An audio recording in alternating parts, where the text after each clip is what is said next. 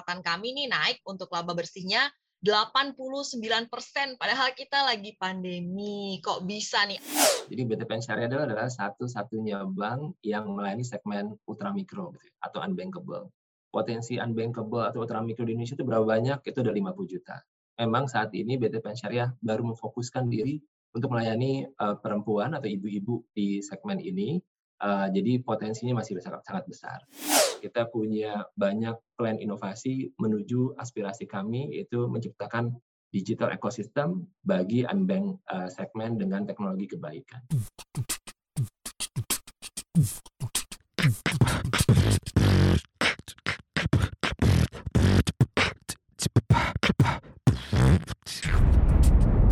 Cuap-cuap cuan. Halo Sobat Cuan semuanya, jumpa lagi dengan saya Alin Wiratmaja di podcastnya CNBC Indonesia Cuap-Cuap Cuan yang bisa kalian dengerin di Spotify, Apple Podcast, dan juga Google Podcast. Kali ini kita bakalan ngobrol dengan emiten cuan nih yang kinerjanya kinclong banget untuk semester 1 tahun 2021. Siapa tahu kan sobat-sobat cuan bisa menangkap eh, pantulan-pantulan cuan nih dari perbincangan kita pada hari ini. Narasumber kita langsung saja saya perkenalkan adalah Mas Fahmi Ahmad, Direktur BTPN Syariah. Halo Mas Fahmi, apa kabar? Halo Teh Alin, halo Sobat Cuan, kabar baik semua.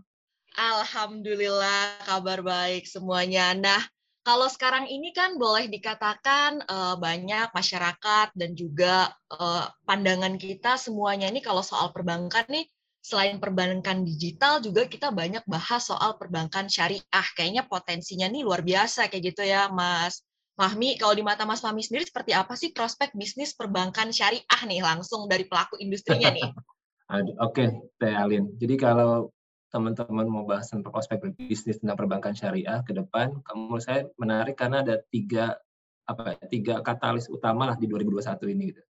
Yang pertama itu kan ada merger tiga bank syariah tiga bank syariah anak perusahaan BUMN menjadi BSI. Dengan adanya BSI, maka akhirnya BT, akhirnya bank syariah memiliki satu bank besar yang bisa menjadi bank angkor di perbankan syariah. Penting untuk perbankan syariah punya bank angkor, makanya BSI ini jadi faktor utama menurut saya akan menjadi katalis ke depan perbankan syariah. Yang kedua, kalau teman-teman juga udah tahu dan udah dengar, kan ada beberapa pemain baru ya. Jadi ada bank syariah dan unit syariah baru yang sedang melakukan proses pengajuan. Ada Aladin yang mengusung digital dan juga ada dua UUS yang saat ini dalam proses dan juga sudah hampir selesai. Dan dengan adanya tiga tenaga baru, pasti tentu akan memberikan warna bagi perbankan syariah ke depan. Dan yang ketiga, tentunya dukungan dari pemerintah dan juga regulator nih Teh Halid. Jadi kalau diperhatiin, bisa dibilang bahwa selama dua tahun terakhir ini banyak organisasi yang didirikan untuk mendukung perbankan syariah. Dari Menteri Keuangan ada KMKS, dari pemerintah dan juga dari DPR dan MPR juga ada namanya MES, dan juga dari OJK, dari roadmap yang mereka baru keluarkan di 2021 kemarin, roadmap sampai 2025 itu poin terpenting mereka adalah meningkatkan nilai tambah perbankan syariah dan juga uh, mengembangkan ekosistem ekonomi syariah. Jadi atas dasar tersebut menurut saya sih prospek perbankan syariah ke depan harusnya menarik ya Iya, prospeknya menarik ya. Kalau Anda lihat sendiri, eh, kita ini boleh dikatakan cukup menarik perhatian investor-investor luar juga kalau boleh dikatakan demikian ya untuk perkembangan perbankan syariah di tanah air nih. Ini saya agak follow up question nih, boleh ya Mas? Boleh, boleh. Ya, tentu tentu jadi hal yang menarik Teh Halin kalau melihat bahwa kan perbankan yang lain ini udah udah kondisinya udah mature. Pasti yang hal yang menarik adalah hal-hal yang baru. Yang hal baru ini kan ada dua dua engine lah, ada digital dan juga ada syariah. Di mana saat ini fokus pemerintah di dua hal ini. Jadi kalau kita mau investasi kan pasti suatu hal yang baru dan juga hal yang akan dipush itu bakal memberikan dampak cuan lebih menarik kan Teh Halim. Jadi ya dua Betul. hal itu tentu investor lokal dan asing akan sangat tertarik. Sektor yang masih cukup banyak ruang untuk Betul. Pertumbuhan ya seperti itu. Nah, ini juga soal pertumbuhan ya, sobat cuan. Nah, kita mau masuk ke pembicaraan soal cuan nih, bukan cuma cuan untuk BTPN syariah aja, tapi juga cuan untuk sobat cuan semua. Jadi dengerin baik-baik ya untuk dialog dan perbincangan kita kali ini karena ada giveaway buat sobat cuan semuanya. Ada voucher Rp200.000 voucher belanja untuk 10 orang pemenang ya voucher dari Sodexo. Nah, pastikan Sobat Cuan simak dan kalau misalnya ada kelewatan boleh di play lagi ya karena ada hadiah yang lumayan banget nih. Oke, kita ke soal laba nih. Kalau semester 1 2021 kinclong banget, cemerlang banget nih kinerja dari BTPN Syariah. Catatan kami nih naik untuk laba bersihnya 89 persen, padahal kita lagi pandemi. Kok bisa nih? Apa yang menjadi kunci dari pertumbuhan eh, laba bersih yang luar biasa dari BTPN Syariah ini, Mas Fahmi? Oke, kalau ya, pertama-tama sih kita selalu bilang bahwa ini ya syukur alhamdulillah ya, dalam kondisi pandemi kinerja kita sangat baik. Apalagi mengingat dari pandemi ini tekanan terberat itu kan di segmen yang saat ini dilayani oleh BTPN Syariah. Jadi kalau ditanya apa sih kunci suksesnya, pasti bukan kita sendiri, Teh Halim. Kunci suksesnya yang pertama itu bisa saya bilang bahwa nasabah segmen mikro atau ultra mikro ini sangat resilient atau tangguh ya. Jadi kalau kita lihat selama setahun terakhir, Teh Halim, bagaimana mereka dan Sobat Cuan, mereka melawan pandemi ini untuk bisa bertahan hidup itu luar biasa. Banyak cerita-cerita inspirasi, inspiratif atau kreatif yang mereka lakukan untuk bertahan hidup, dan itu membuat kondisi bisnis mereka yang awalnya terganggu, akhirnya bisa recovery jauh lebih cepat di luar perkiraan kita semua. Itu yang pertama. Yang kedua, harus kita patut ucapkan juga bahwa pemerintah dan regulator memiliki peran yang penting. Pemerintah selama dari semenjak Juli atau Juni tahun lalu sampai dengan uh, uh, sekarang ada banyak program penyelamatan ekonomi nasional yang dikeluarkan pemerintah dan regulator pun juga sangat baik dalam memberikan kemudahan bagi perbankan dalam hal mengatasi kondisi pandemi ini. Jadi kita ini Tehalin untuk bisa membantu nasabah kita, kita harus berikan restrukturisasi gitu ya. Karena memberikan waktu buat mereka untuk bernafas. Nah, dengan adanya aturan pemerintah dan regulator yang bermudah, jadi sangat mudah buat kita memberikan kesempatan buat nasabah-nasabah kita untuk pulih dan akhirnya mereka recovery. Ya, itu poin nomor dua dan nomor tiga bisa saya harus akui bahwa karyawan-karyawan kami ini luar biasa gitu. Karena kan menghadapi pandemi ini berarti kan kesehatan dan keselamatan jadi hal yang utama gitu. Dan mereka juga tahu bahwa memberdayakan masyarakat berpenghasilan rendah atau unbankable ini atau inklusi ini jadi hal yang penting. Karena mereka pengen melayani dengan sepenuh hati, jadi mereka itu benar-benar melayani dengan sangat luar biasa dan juga sangat kreatif. Jadi kalau kami dari sisi manajemen sangat beruntung karena mereka benar-benar sangat uh, kompak dan juga semangatnya tinggi. Dan banyak hal sih Teh Halin karena tentunya performance first half 2021 ini itu berkat dukungan semua pihak mengingat pandemi ini sangat tidak mudah bagi segmen kami layani. Betul, tidak mudah tapi tetap tangguh ya karena tadi punya semangat kebersamaan.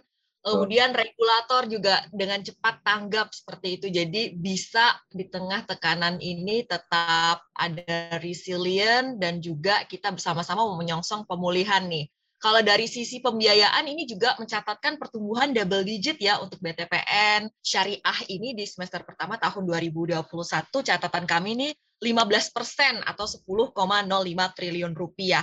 Nah, kalau kita bicara soal pembiayaan ini kan sangat vital ya untuk kita bersama-sama uh, menyongsong pemulihan ekonomi. Nah, seperti apa sih kondisi pembiayaan di perbankan syariah nih, Mas Fahmi? Oke, sebelum saya jawab tentang perbankan syariah, Tealin, kalau dari sisi kami sendiri, memang betul bahwa untuk bisa memulihkan ekonomi nasional, ekonomi masyarakat berpenghasilan rendah yang jadi segmen kami, kita harus memberikan pembiayaan Tealin. Karena kalau tanpa adanya perguliran uang atau pembiayaan, tentu proses recovery untuk segmen ini bakal semakin lambat, dan tentu kita tidak pengen kan bahwa kondisi ini akan uh, berlangsung sangat lama. Jadi hal itu yang pasti kita tekankan. Kalau dilihat dari perbankan syariah, saya saya rasa dengan tadi saya bilang kata tiga katalis di awal itu teh halin pertumbuhan perbankan syariah di first half ini sampai dengan data bulan Mei saya perhatikan itu juga sangat baik karena pertumbuhan aset mereka pun mencapai 15 persen teh halin. Jadi kelihatannya cara pandang yang dilakukan oleh kami secara garis besar juga dipahami oleh teman-teman dari perbankan syariah lainnya teh halin. Oke. Nah, kita bicara soal tadi masih terkait dengan kinerja, sudah membukukan kinerja yang ciamik di paruh pertama tahun ini. Bagaimana optimismenya untuk sisa tahun ini nih, Mas Fahmi? Apakah masih bisa tumbuh lebih baik di tengah tantangan? Ya.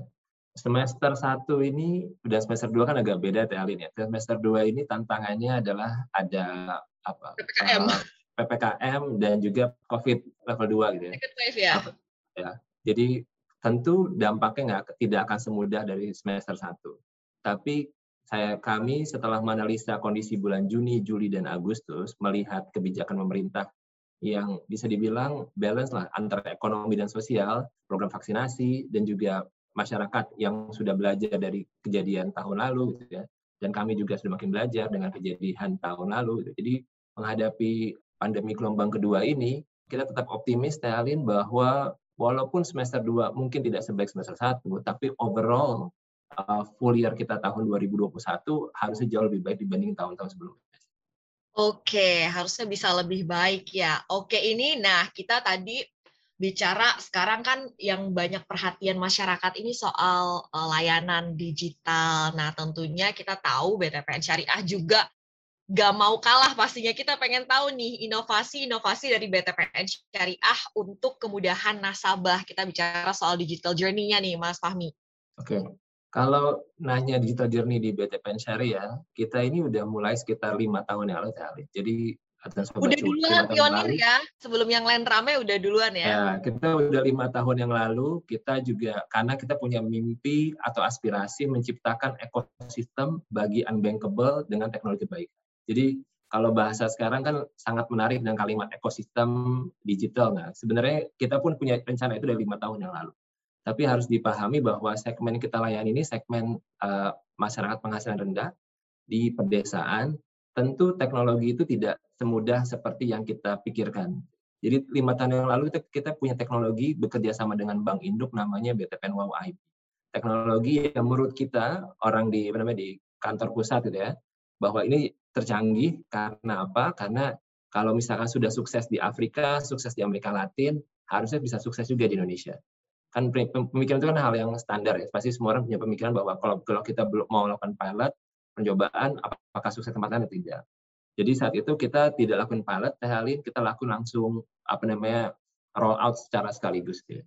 Kalau dibilang kita seperti zaman sekarang, ya sesuai. Gitu ya. Kita punya 250 ribu agen saat itu, jadi agent banking kami 250 ribu. Kita punya nasabah yang daftar dengan teknologi ini pun sampai satu juta nasabah. Akan tetapi berjalannya waktu nggak lama Tealin bahwa teknologi yang kita pikir itu cocok dan aman buat mereka bukan suatu hal teknologi yang mudah dan tepat bagi segmen ini. Jadi kita selalu berpikir bahwa ada cerita yang lucu lah Tealin. Uh, kita bahwa kalau mereka mau transaksi perbankan itu bisa dari feature phone mereka tanpa signal cuma satu bar pun di desa atau di daerah pegunungan pun bisa mereka mau transfer mau isi token listrik mau uh, mau, mau prepaid card segala macam bisa menggunakan feature phone, mereka melakukan banking transaction. Nah, saat kita melakukan piloting, eh, saat kita roll out saat itu kita masih ingat sekali. Pada saat kita minta mereka untuk menyimpan PIN, nah, itu aja butuh pelatihan yang cukup lama dan alhasil PIN yang mereka gunakan hampir 60 persen 1, 2, 3, 4, 5. Secara keamanan jadi tidak tidak benar kan. Jadi alhasil saat itu kita coba latih dan sebagainya, ternyata tidak berkurang berhasil dan jumlah yang bombastis tersebut dalam hitungan bulan itu jadi tidak aktif ya. Nah, dari poin tersebut kita belajar bahwa kadang-kadang kita merasa bahwa teknologi yang tepat buat segmen di masyarakat berpenghasilan rendah di pedesaan suatu hal yang yang mudah buat kita adalah mudah buat mereka. Ternyata tidak seperti talent. Jadi yang pertama kita selalu berpikir bahwa kalau semua orang udah punya smartphone harusnya mereka bisa self service. Nah, dari 2016 sampai dengan tahun lalu kita tuh banyak melakukan proses untuk melakukan analisa dan kita melihat bahwa ternyata tuh nggak mudah bagi ibu-ibu karena segmen kita layani banyakkan ibu-ibu 100% ibu-ibu itu untuk menggunakan uh, smartphone uh, secara sendiri. Jadi apa yang kita develop ke depan dan saat ini kita develop dan kita juga sudah kita sudah pilot dan kita juga udah showcase ke teman-teman investor dan juga analis di akhir uh, first half kemarin bahwa teknologi menggunakan uh, assisted service. Jadi kita uh, dengan bantuan agen yang ada di wilayah masyarakat tersebut, mereka akan membantu nasabah-nasabah kami atau masyarakat-masyarakat di pedesaan di komunitas kami berada untuk melakukan transaksi perbankan. Nah, dulu kita yang melakukan agen, pemilihan agen itu kita sendiri, tapi setelah kita pelajarin bahwa ternyata tuh yang nggak bisa semudah itu juga. Yang harus memilih itu adalah mereka karena segmen di level uh, masyarakat berpenghasilan rendah ini kalau nggak ada kepercayaan, mereka nggak akan melakukan transaksi. Jadi itu pun kita lakukan perubahan. Kita juga menerapkan teknologi yang juga lebih mudah. Karena buat mereka PIN itu susah, berarti apa dong yang kira-kira mudah? Jadi kita menjadi bisa dibilang satu-satunya bank yang menggunakan uh, biometrik itu muka uh, mereka sebagai authentication atas transaksi mereka. Jadi kalau kita bawa kartu kartu debit misalkan ya, kalau di kita mereka dapat QR code. Kalau di kita misalkan di perkotaan kita pakai PIN, buat mereka kita pakai uh, muka mereka sebagai uh, authentication. Nah, di luar itu juga kita punya teknologi yang untuk canggih gitu ya. Jadi semua transaksi itu bakal di, bisa di print out melalui teknologi Bluetooth printer di mana mereka juga bisa lihat transaksi terakhir mereka seperti apa saja. Uh, dan di luar itu kita juga punya app yang kita rasa sangat penting buat nasabah-nasabah di segmen ini uh, karena mereka juga butuh pembelian barang-barang untuk kebutuhan pribadi, untuk keperluan warung mereka. Jadi kita punya app yang bisa dibilang seperti e-commerce digital untuk nasabah-nasabah di uh, di segmen ini ya sekiranya bisa membantu mereka untuk memberikan barang-barang kebutuhan mereka dengan lebih mudah dan juga lebih gampang. Dan itu baru tahapan awal Teh Alin karena kita punya banyak plan inovasi menuju aspirasi kami yaitu menciptakan digital ecosystem bagi unbank uh, segmen dengan teknologi kebaikan. Itu mungkin sekilas tentang uh, plan kita Teh Alin tentang digitalisasi teknologi kebaikan luar biasa nih ya. Jadi eh, BTPN Syariah yang menyesuaikan sesuai dengan segmen nasabahnya ya, dibuat semudah mungkin mereka untuk onboarding uh, menggunakan layanan-layanan ini ya. Menarik sih ceritanya ini. Berarti ini ada potensi pertumbuhan cuan dong kalau misalnya aplikasinya ini tidak hanya melayani jasa keuangan saja tapi ada e-commerce juga di situ. Ya, betul Teh Halin, tapi uh, saat ini kita belum roll out. Jadi saat ini kita udah piloting di beberapa daerah di Jawa Tengah, Jawa Barat, daerah sekitar Jakarta dan Banten. Gitu ya. Kita rencana mau pilot, mau roll out itu di separuh kedua tahun ini. Dan mengingat kondisi pandemi, jadi kita sedikit memundurkan. Tapi tahap berikutnya adalah kita pengen roll out ini semua. Apakah kita berusaha mendapatkan komisi atau income dari semua teknologi kita dapat ini? Tujuan utama kita adalah Tealin memberikan layanan terbaik buat nasabah kami. Jadi uh, kita sebagai bank kita harus mengadjust menghadapi tantangan yang ke depan yang bakal pasti menantang ya Alin. Jadi kalau misalkan sekarang banyak e-commerce yang pengen masuk menjadi bank karena mereka tahu bahwa bank itu memberikan uh, cuan lebih baik dibandingkan cuan dari fee misalkan. Ya, jadi kita sendiri yang kalau jadi bank, kenapa kita juga tidak mengadjust bahwa uh, kita juga punya service-service lainnya yang bisa jauh lebih baik uh, daripada pendatang-pendatang yang akan masuk. Itu itu Teh Alin. Jadi kita memberikan service terbaik sehingga tetap yang terpenting buat kita adalah pelayanan terbaik buat nasabah dan juga cuan yang tertinggi tetap dari pembiayaan kan dibanding dari fee. Jadi kita tetap fokus di situ ETL. I see. Menggandeng partner nggak sih ini? Kolaborasi nggak sih? Kalau ditanya partner tentu Tealin karena kita tidak bisa sendiri dalam melakukan tadi saya semua kan Tealin. Tapi partnersnya itu semua adalah kita modelnya apa namanya? banyak partners lah. Jadi once ada satu partners yang nggak cocok dan nggak jalan, kita bisa ada partners lain yang bisa bekerja sama terus menerus. Jadi tentu ada dalam kondisi ekonomi saat ini kita nggak bisa sendirian untuk bisa lebih cepat dan lebih baik tentu pasti butuh partnership. Oke, pastinya ini nanti uh, eh, BTPN Syariah jadi lebih dekat lagi gitu ya di hati nasabahnya segala aspek kehidupan mereka mereka bersentuhan dengan Betul. PTPN Syariah seperti itu ya. Nah, kita ingin tahu nih untuk 2021 ini roadmap uh, eh, BTPN Syariah ke depannya seperti apa nih Mas Fahmi dari pembiayaan, kemudian laba bersih dan juga untuk pertumbuhan industrinya seperti apa? Ada view atau insight? Kalau kita lihat kondisi gelombang kedua Juni, Juli, dan Agustus ini, kelihatannya kan kondisi sudah membaik ya, Jadi ya, harusnya sih ya hanya kuartal 3 agak stagnan, tapi kuartal 4 recovery bakal timbul. Jadi kita, kita tetap optimis seperti yang kita pernah bilang ke bicarakan ke informasi kepada investor kami dan juga para analis bahwa untuk mencapai double digit pembiayaan di akhir tahun ini dengan asumsi seperti itu ya Teh Alien. Ya, kalau dalam hal uh, net laba bersih dan lain sebagainya tentu kalau pembiayaan tumbuh pasti dampaknya semua ke laba bersih gitu ya. Jadi kita masih optimis bahwa kinerja full year 2021 akan tetap lebih baik dibandingkan tahun sebelumnya. Wah, itu tadi bisa jadi uh, insight ya buat kita bahwa tetap diyakini nih untuk uh, full year 2021 akan lebih baik daripada tahun sebelumnya. Nah, tadi kita sudah bicara soal inovasi digital dari BTPN Syariah, kemudian soal kinerja di paruh pertama tahun 2021. Kita mau bahas soal cuan nih potensi cuan dari saham BTPN Syariah. Apa sih kira-kira yang uh, bisa diperhatikan oleh para pelaku pasar nih terkait dengan gebrakan-gebrakan BTPN Syariah yang berpotensi mengandung cuan nih buat sobat cuan semuanya. Sebenarnya kalau nanya saya kurang kurang objektif mungkin Teh Alin ya. Tapi kalau iya, tapi... ya, eh, kalau ngasih gambaran gitu. Tapi juga usaha ya sobat cuan. Ya, kalau BTPN Syariah sendiri uh, udah di cover sama lebih dari 10 securities house atau analis ya. Kalau kita lihat dari karena kan informasi tentang yang saya sampaikan juga informasi yang saya berikan pada analis dan juga investor lah. Kalau lihat dari hasil coverage analis atau securities house tersebut, ya ya angka yang saat ini ya masih jauh di bawah target price mereka lah. Itu mungkin ya Alin yang bisa saya sampaikan. Oke, upside potensial itu ya intinya uh, sobat cuan apalagi tadi dengan berbagai macam inovasi-inovasi yang sudah disiapkan oleh BTPN Syariah. Nah, kita uh, mau kasih uh, pesan-pesan dong untuk sobat cuan semuanya nih, Mas Fahmi. Oke. Jadi kalau buat kasih gambaran tentang BTPN Syariah ya. Jadi BTPN Syariah adalah, adalah satu-satunya bank yang melayani segmen ultramikro gitu, ya, atau unbankable potensi unbankable atau ultramikro di Indonesia itu berapa banyak? Itu ada 50 juta. Memang saat ini BTPN Syariah baru memfokuskan diri untuk melayani uh, perempuan atau ibu-ibu di segmen ini. Uh, jadi potensinya masih sangat sangat besar. Yang kedua, secara fundamental uh, eh, BTPN Syariah kalau dilihat dari ketahanan, kinerja dan juga rasio-rasionya, kita alhamdulillah dan bersyukur semua jauh di atas rata-rata perbankan konven ataupun syariah. Dan yang tentunya poin terakhir dari kami adalah ya sebagai leading di segmen ini maka kita tidak boleh berdiam diri untuk melakukan inovasi dan juga digitalisasi untuk mencapai aspirasi yang kita capai yaitu untuk create digital ecosystem for unbanked uh, segment um, melalui teknologi kebaikan. Jadi itu tiga poin yang bisa sebagai takeaway buat teman-teman sobat cuan semua tentang BTPN Syariah, Dalin.